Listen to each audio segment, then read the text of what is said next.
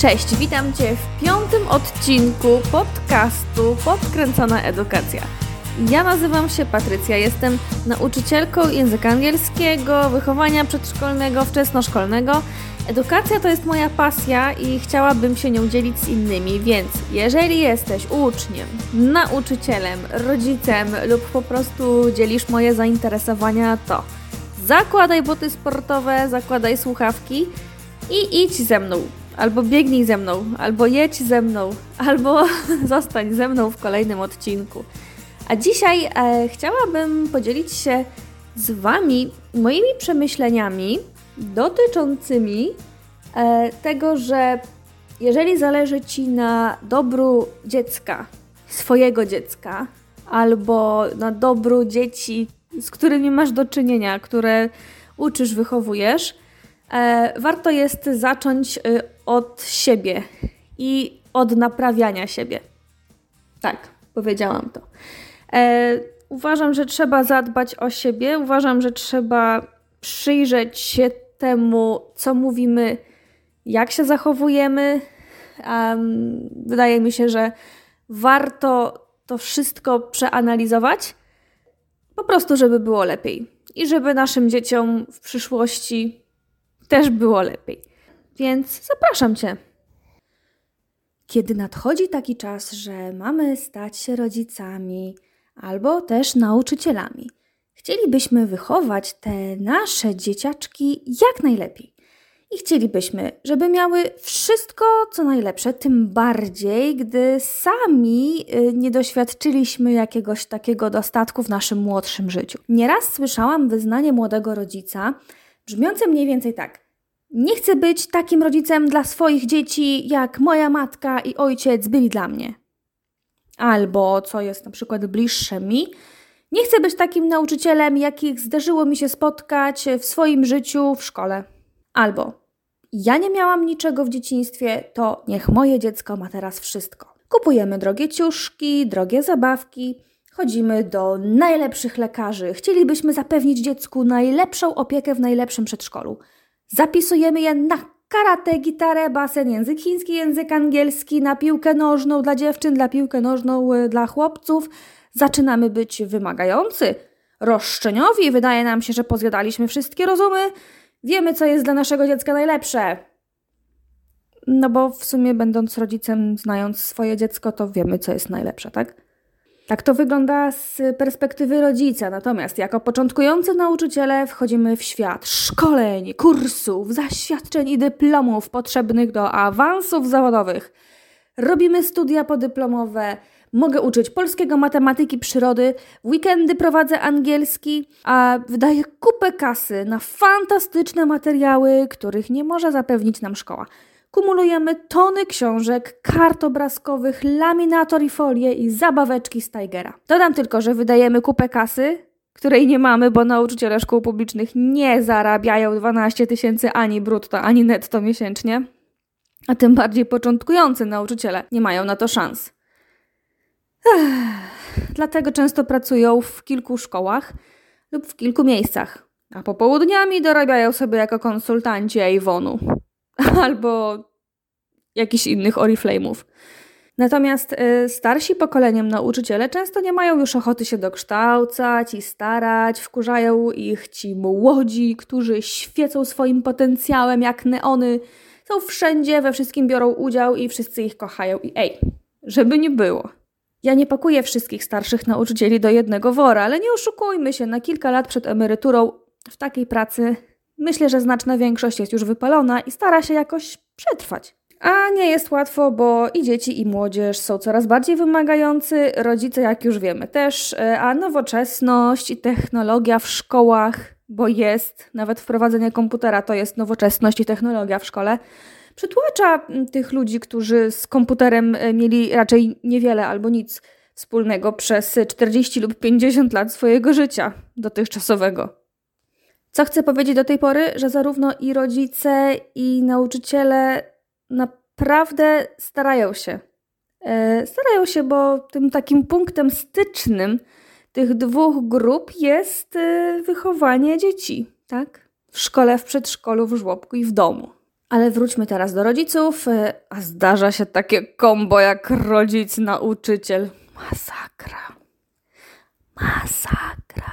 No, prawda jest taka, że zaczyna się życie. Ja w chwili nagrywania tego podcastu jeszcze nie jestem pełnoprawną mamą, dopiero czekam na ten wspaniały czas, który, który zaraz zresztą zburzę. Więc domyślam się, że początki są ciężkie, wymagają od matki i od ojca wiele poświęceń. Nie śpią, nie jedzą, albo nie śpią i ciągle jedzą, oba te warianty nie są zdrowe. Zaniedbują się na jakichś poziomach, na przykład nie dbają o wygląd, bo nie mają czasu, e, nie mają czasu możliwości wyjść na randkę, na spacer, pouprawiać jakiś sport. E, nie spotykają się z przyjaciółmi, tylko wiecie, praca, dom, płacz, zmartwienia, pieluszki, katarek, wymioty i uśmiech naszego bąbelka, który wszystko wynagradza. No, pewnie wynagradza. Ja też będę się topić, jak moje dziecko będzie szczęśliwe i będzie się do mnie uśmiechało i będę szczęśliwa, kiedy ono będzie zdrowe, ale nie oszukujmy się. Mm, nasze potrzeby yy, i tego niższego rzędu, tego najbardziej podstawowego i tego wyższego yy, w tym ciężkim czasie nie do końca są zaspokojone. A Dajcie mi jakoś znać, czy mam rację z tym okrutnym życiem młodych rodziców, a ja przejdę dalej, bo chcę powiedzieć, że hello, no my rodzice i nauczyciele też, my chcemy dobrze, tak? My wiemy, co robimy, e, wiemy, co poświęcamy, wiemy, że trzeba zarabiać pieniądze, trzeba jeść, trzeba się leczyć, trzeba się poświęcać, bo mamy rodzinę. Teraz mówię od strony rodziców, bo mamy rodzinę, tworzymy rodzinę, na którą pracowaliśmy, tak? Na którą czekaliśmy. Często mamy też pod opieką swoją pierwotną rodzinę, tak? Czyli swoich rodziców, dziadków. Mm, dochodzi też rodzina naszych partnerów. E, tak naprawdę zmartwień nam tylko przybywa. Już nie mówiąc o samochodach, mieszkaniach, kredytach i tak dalej, rosnącej inflacji. Więc e, w pewnym momencie, pomimo naszych szczerych chęci, mm, domyślam się, cały czas mówię, że się domyślam, że tak jest, bo no, jeszcze nie jestem rodzicem, ale jestem dobrym obserwatorem i słucham ludzi. Y, I wiem, że pomimo naszych szczerych chęci chyba nie jesteśmy w stanie codziennie biegać z wózkiem po lasach, codziennie mówić do swojego dziecka po angielsku. E, pewnie nawet czasami nie jesteśmy w stanie utrzymać idealnego porządku w mieszkaniu, ugotować zupy, ani się ogolić. Ogolić nóg czy ogolić brody u panów, tak? Bo, bo nie mamy na to siły po prostu, albo zapominamy, dzień nam się skończył. Nie mamy tych takich zasobów psychoenergetycznych. I przychodzi wieczór, Padamy na łóżko, a nasze dziecko dopiero się rozkręca. Albo nasze dzieci. E, podobno tak bywa. Ja wiem, to jest duże uproszczenie, to jest duże generalizowanie. I przychodzi ten czas, że w sumie to i tak wyślemy dziecko do żłobka, a potem do przedszkola, a potem do szkoły, no bo sami musimy pracować, więc w sumie to niech inni ludzie ich uczą, tak? Ja jako rodzic nie mam na to siły, czasu, nie mam motywacji, muszę zrobić miliard rzeczy, a jeszcze jak dziecko wpadnie do domu jak huragan, to cała moja praca nad czystym domem i posprzątanymi zabawkami i nawet mój własny, osobisty spokój, wszystko to idzie w cholerę. Wyobrażam sobie, że rodzic wtedy może trochę odpuszcza. Tak trochę działa nasz mózg, że no wszystkiego aż tak dobrze nie ogarnie, z czegoś trzeba rezygnować, bo oszalejemy. No to powiedzmy, że nie mamy głowy do ciągłego zapoznawania się z nowymi podejściami do wychowania, do edukowania. Że i tak jakoś to będzie, przecież szkoły świetnie funkcjonują, tak? Ja sobie poradziłam ze szkołą, z nauczycielami, z pisaniem literek, to i moje dziecko sobie poradzi. No i trochę masz rację, bo dziecko sobie poradzi. Pewnie, że tak. Oczywiście, że sobie poradzi i ty też sobie poradzisz. Um, a czy jeżeli już y, troszeczkę odpuszczasz i masz teraz tą chwileczkę dla ciebie, dla siebie, to wykorzystujesz ją na przykład na własny rozwój, na własne hobby, na własne jakieś zainteresowania? I ktoś mi odpowie, no co za durne pytanie, przecież jestem rodzicem, tak? Ja nie mam czasu na takie durnoty. Ja na własne dzieci nie mam czasu. A co mówić o jakimś rozwoju? Rozwijam się jako matka, kucharka, sprzątaczka, ogrodniczka, praczka. Jestem zmęczona, wkurzona, a jeszcze tyle rzeczy przede mną. E, I tu zróbmy stop. Jeszcze wrócimy do tej części historii. Przenieśmy się teraz w cudowne miejsce, którym jest nasz salon.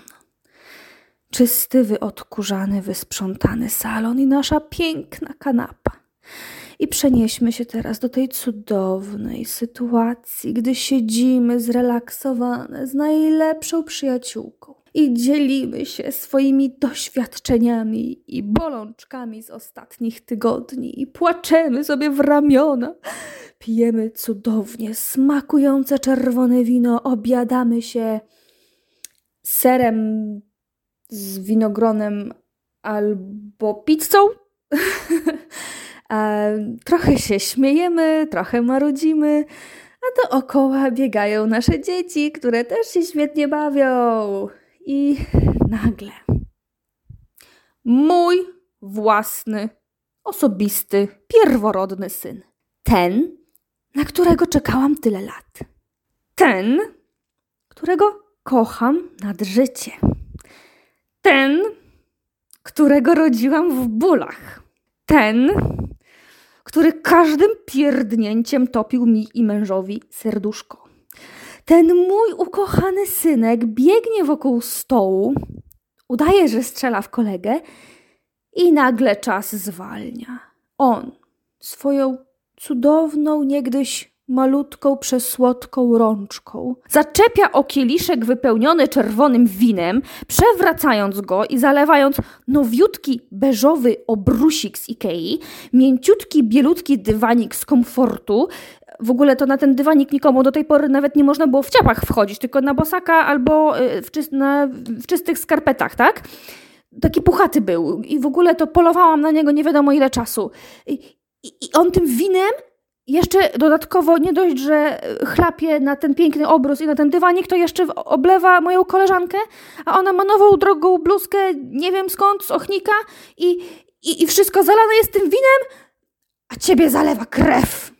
Wstajesz i wrzeszczysz. Dlaczego ty nigdy mnie nie słuchasz? Zawsze musisz mi to robić. Zawsze musisz coś zepsuć. Zawsze musisz coś pobrudzić. Jesteś fajtłapą. Jesteś do niczego. O, drogi tatuś. Widzisz, co narobiłeś? Kupiłam ten dywan za tysiąc złotych. Pobrudziłeś cioci drogą bluzkę. Boże, Boże, dlaczego pokarałeś mnie takim dzieckiem? Bierz ścierkę i to wycieraj w tym momencie. Albo nie, nie.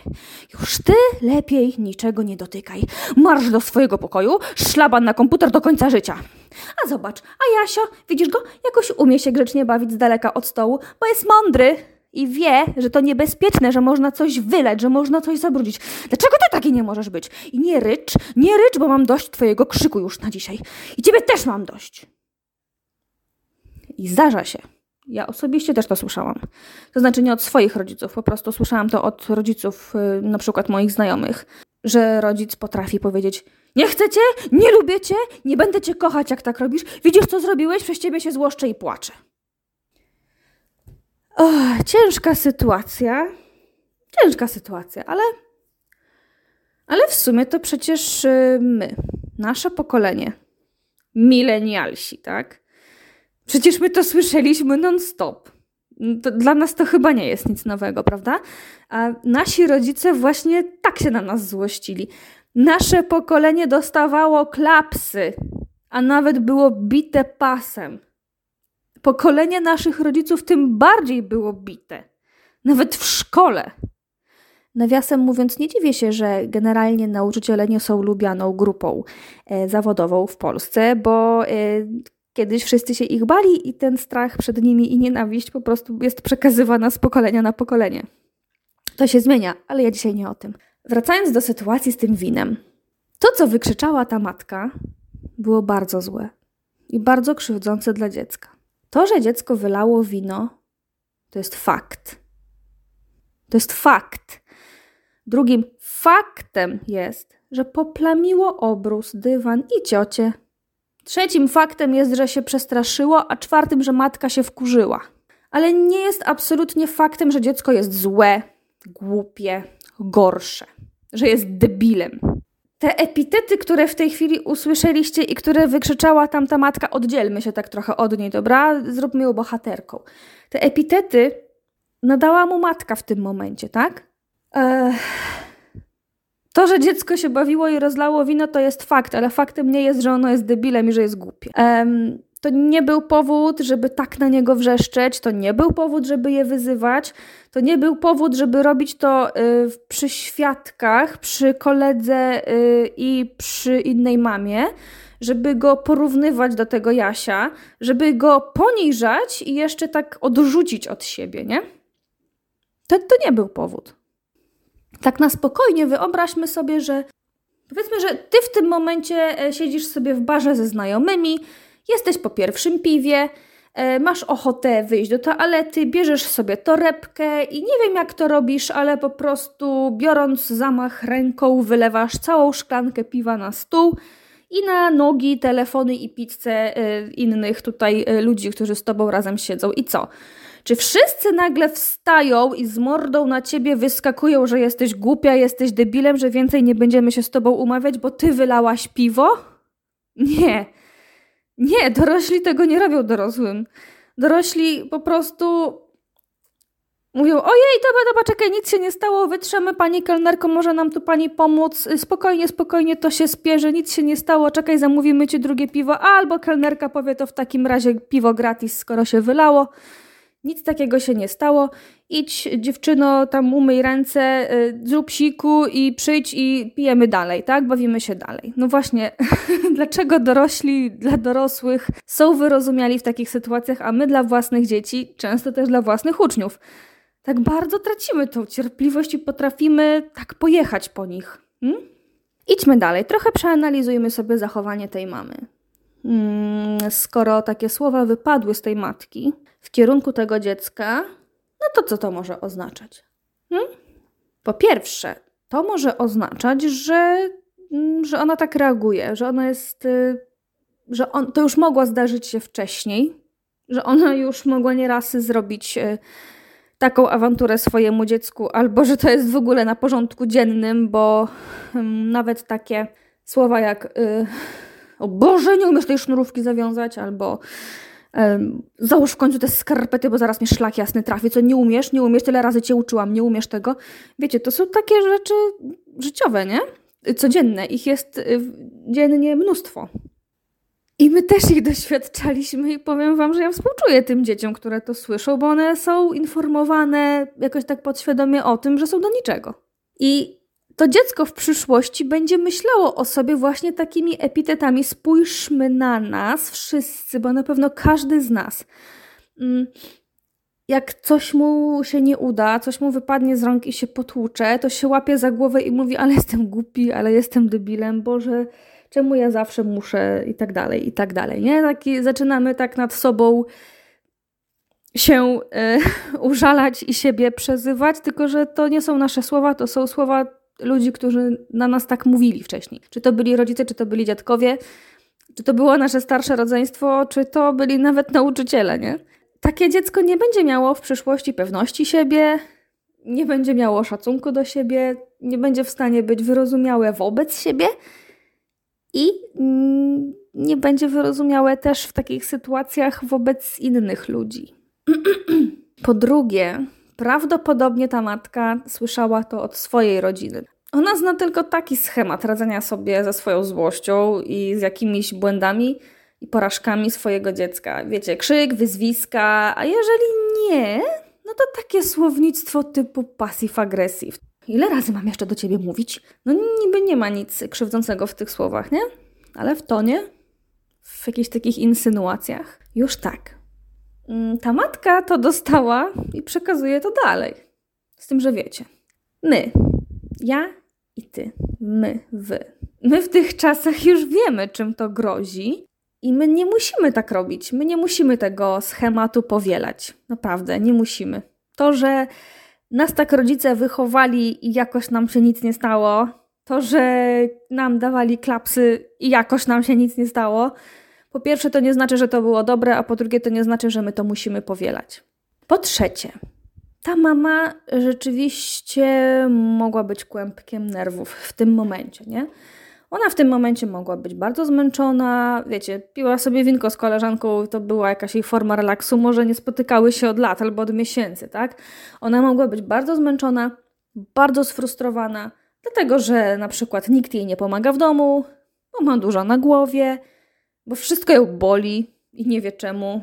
A te nerwy, ból taki psychiczny, kumulują się cichutko gdzieś w środku, w różnych miejscach, e, nawet w mięśniach, w bolącym brzuchu, żołądku, by później wystrzelić w takich głupich sytuacjach. No bo zauważmy, że my omawiamy taką sytuację, w której nie ma nic ekstremalnego. No dobra, zależało mi na tym obrusie, na tym dywanie i szkoda mi koleżanki bluzeczki, bo to wszystko kosztowało, ale to nie jest, wiecie, płacenie komuś za rozwalenie samochodu, tak? No i w końcu taka głupotka ze strony jej dziecka powoduje explosion, krzyk, płacz i ofiary dookoła. Idźmy dalej, bo mi szkoda tej kobiety. Dlaczego ona może być taka zmęczona? No, dlatego, że to, w jaki sposób wychowywali ją rodzice, ci sami, którzy tak do niej też mówili, i trochę zachwiali jej pewność siebie, może wprowadzili w kompleksy i tak naprawdę narobili innych dziur w sercu, o których ona nie wie. A ten sposób wpłynął na to, że ona na przykład nie jest w ogóle asertywna. A co za tym idzie, nie potrafi odmówić komuś pomocy, komuś czegoś, nie potrafi delegować zadań, na przykład dziecku, żeby, nie wiem, sparowało sobie skarpetki. Nie potrafi podzielić się pracą w domu i wychowaniem, na przykład z własnym mężem. E, no bo często dziewczynki, my, nasze, nasze pokolenie i młodsze, starsze pokolenia, widziały, jak matki usługiwały ojcom, tak? A ojcowie byli tylko od przynoszenia pieniędzy i siedzenia na kanapie. No ja wiem, że ja w tej chwili generalizuję, ale nie oszukujmy się, znamy te schematy. Jeżeli nie z własnego domu, to z czyjegoś domu, tak? I przecież nasi obecni partnerzy również byli w ten sposób wychowywani, że widzieli i doświadczali, że ich matki dogadzają im, ich ojcom, a córki zapędzają do roboty, do kuchni, do sprzątania, do prania. Więc obecny mąż naszej matki bohaterki może nie rozumie, że trzeba pomóc żonie w tym wszystkim, bo nigdy nie musiał tego robić. A poza tym ona to tak świetnie robi. Jego matka to robiła i ona to robi, tak? On tego nie widzi i nie rozumie, a po drugie, y, ona też nie potrafi tego zasygnalizować, no bo przecież nie wie, jak to zrobić. I i może nawet nie wie, że potrzebuje pomocy ta kobieta, bo przecież dom to od zawsze były obowiązki jej matki, tak? kobiety. Wow, wow, czy czujecie te kostki, czy tam klocki domino jeden za drugim, jak się przewraca, albo jak bardzo to jest efekt kuli śnieżnej? O, albo na przykład taki sposób wychowania doprowadza również do tego, że kobiety wiążą się z nieodpowiednimi osobami. No tutaj padam akurat mężczyzn, mężczyzn, chociaż wierzę, że mogą to być również i kobiety ale będę się czepiała mężów, y, którzy są na przykład narcystyczni, bo zostali wychowani na takich, co nic nie muszą, tak? I którzy mogą wykorzystywać inne i wszystko im się należy. Um, mogą je ograniczać, mogą je od siebie uzależniać, mogą uzależniać e, od swoich finansów, stosują na nie, e, na te kobiety agresję fizyczną, stosują agresję, przepraszam, przemoc, chodziło mi o przemoc, przemoc e, fizyczną, przemoc psychiczną, przemoc taką ekonomiczną, finansową, tak? Chociaż to jest temat na zupełnie inny odcinek. Ale takie rzeczy prowadzą te kobiety do załamań nerwowych, do depresji. A nie wiem, czy jesteście świadomi, pewnie tak, ale powiem to głośno: niezdiagnozowana i nieleczona depresja kończy się źle. Bardzo źle, kończy się tragicznie. W to wchodzi również strach przed osobą psychologa i psychiatry, bo wciąż ludzie myślą, że te zawody zajmują się wariatami i niedoszłymi samobójcami, ale to jest temat na kolejny odcinek. I zobaczcie, to jest cały czas efekt domina. Trochę wina systemu, trochę wina wychowania, trochę wina nasza, bo my to przedłużamy, a nie musimy, tak? Bo odpowiedzmy sobie na pytanie, czy my naprawdę chcemy zgotować taki los swoim dzieciom. Hm. Czy my chcemy wychować nasze córki na służące? Dziewczynki takie, wiecie, bez w ogóle możliwości powiedzenia tego, co myślą i czują, mm, a synków na jakichś takich gugusiów albo agresorów?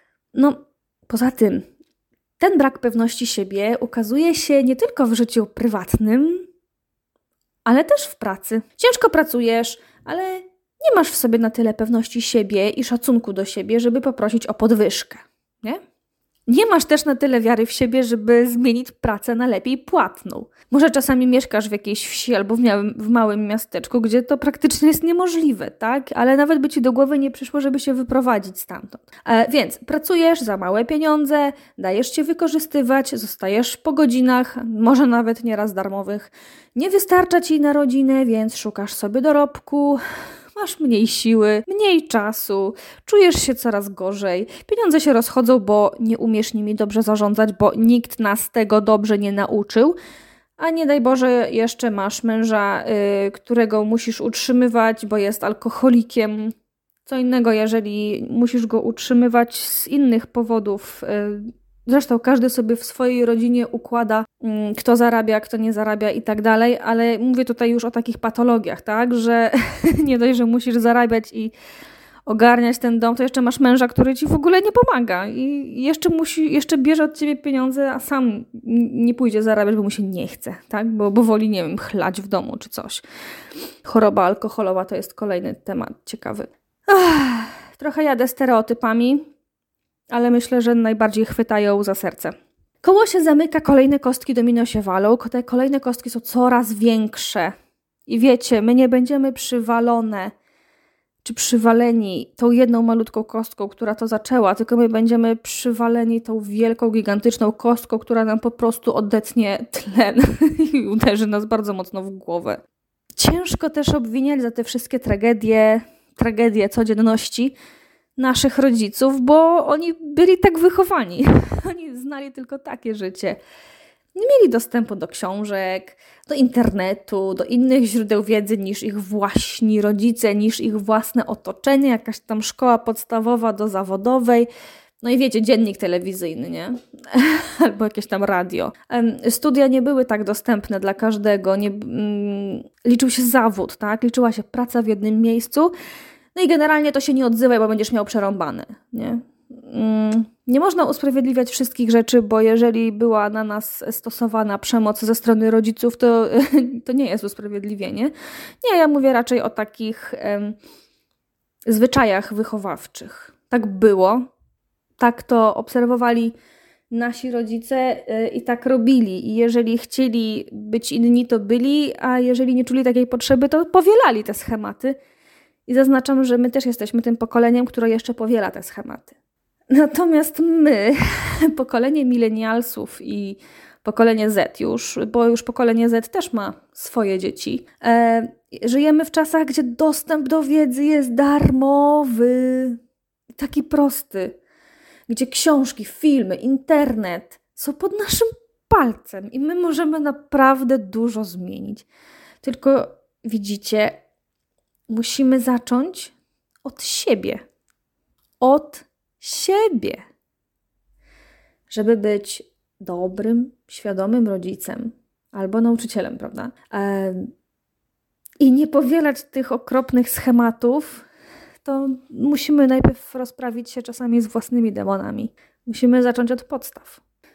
Jeżeli ten podcast wzbudził w tobie jakieś wątpliwości co do Twojego zachowania, co do Twojej sytuacji, E, albo kogoś Twojego bliskiego, mm, ale tak naprawdę jeszcze nie wiesz, w czym jest problem i czy on w ogóle jest, czy tylko sobie myśli, wymyślasz to, no to ja jestem w tym momencie pewna, że sama ta myśl już o czymś świadczy. E, zresztą jesteśmy pełni pewnych przekonań i tych schematów, które powielamy, zaczynam się powtarzać. Ale słuchajcie, zwykłe gogle służą Ci pomocą. Możesz wpisać w wyszukiwarkę pytanie, które Cię dręczy, na przykład jak nie krzyczeć na własne dziecko, albo moje dziecko mnie wkurza, albo byłam bita przez rodziców, albo nie jestem szczęśliwa w swoim związku, tak? gogle służą pomocą. Jeżeli zaczniesz drążyć, może się okazać, że znajdziesz odpowiedzi na swoje pytania, a nawet narzędzia, czyli sposoby, jak się z tym wszystkim uporać. Możesz pójść do psychologa Chociaż trzeba za to czasem zapłacić. Fundusz wciąż oferuje za mało, a psycholog kosztuje tak od stówki w górę za jedną sesję 100, 150, 200, 300. Różne ceny psychologowie mają. Psychologowie czy psycholodzy? Boże święty, psychologowie. Pamiętajmy, że psycholog nie jest tylko od niedoszłych samobójców i straumatyzowanych ludzi. Każdy twój najmniejszy i najśmieszniejszy według ciebie problemik może okazać się kamieniem milowym którego przepracowanie może zmienić Twoje życie. Psycholog może Cię skierować też do psychiatry, który przepisze Ci leki, jeżeli tego potrzebujesz, i nie bój się również tego. Psychiatra to jest lekarz jak każdy inny, a leki wspomagające funkcjonowanie naszej psychiki to leki jak każde inne. Tak samo choroby psychiczne To są choroby jak każde inne. Usuńmy z naszej głowy stereotyp psychiatra wariat. Wielu tych tak zwanych wariatów, którzy się leczą, znaczy, na których my mówimy wariaci, e, którzy się leczą na przykład w zakładach zamkniętych, oni byli kiedyś normalnymi ludźmi, naprawdę. Ale są też często ofiarami swojej genetyki, a czasami właśnie strachu przed psychiatrą i długo nieleczonych chorób psychicznych. Na koniec zachęcam Cię nad pracą nad sobą, czyli nad rozwojem osobistym. Bęk, ja wiem, jak to brzmi. Podobnie jak coach, tak? Czyli no nie, zaraz mi zrobi wodę z mózgu. Mój drogi człowieku, słuchaczu, słuchaczko. Uważam, że łatwiej zrobić wodę z mózgu ludziom, którzy się już nie rozwijają, niż tym, którzy się choć trochę edukują. Niekoniecznie szkolnie i niekoniecznie studencko. Powtórzę to, myślę, że łatwiej zrobić wodę z mózgu ludziom, którzy już się nie rozwijają. Y, na mojej uczelni był taki fajny cytat na ścianie: Non progredi est regredi. Jeżeli się nie rozwijasz, to się cofasz. Jeżeli stoisz w miejscu, to się cofasz, bo świat leci do przodu, więc to ty się starzejesz. A tak jeszcze na zachętę, może to kogoś zmotywuje. E, znacie takich ludzi, a może sami jesteście takimi ludźmi, którzy się wiecznie odchudzają i nie mogą schudnąć? No pewnie, że znacie. Wiecie, to nie jest spowodowane tym, że ktoś się nie może powstrzymać przed jedzeniem czekolady, bo takie rzeczy też się załatwia u psychoterapeutów, u psychodietetyków. Wyobraźcie sobie, że traumy z przeszłości mogą powodować to, że nie możemy schudnąć, a nie to, czy żremy ileś tam czekolady i tak dalej, tak? To mogą być nieprzepracowane traumy, e, nieprzepracowane jakieś ciężkie przeżycia i złe nawyki, niekoniecznie żywieniowe warto zadbać o siebie i jak tylko zaczniesz, sam zobaczysz, jak bardzo to wpłynie na Twoje życie, jak to dobrze wpłynie na Twoje życie, na Twoje decyzje. Zobaczysz, gdzie Cię to zaprowadzi. Będziesz lepszym człowiekiem dla siebie, a dzięki temu również dla innych, na przykład dla swoich bliskich, dla swoich dzieci albo dla dzieci, z którymi masz do czynienia w swojej pracy. To może czasem boleć, ale to będzie bolało krótko. A to, co przeżywasz przez całe życie, boli cię przez wiele lat, nawet nie wiesz, jak bardzo cię niszczy. I wtedy będziesz mógł i będziesz mogła pomyśleć nad tym, jak wziąć się za rozwój swoich dzieci, jakie decyzje podejmować y, w odniesieniu do swoich dzieci. Dziękuję Ci bardzo za wysłuchanie tych moich wywodów, tego odcinka podcastu. Jestem bardzo ciekawa, co o tym myślisz, więc napisz do mnie. Możesz mi zostawić komentarz pod zdjęciem na Instagramie albo napisać do mnie prywatną wiadomość. Szukaj podkręconej edukacji na Instagramie. No i do usłyszenia następnym razem.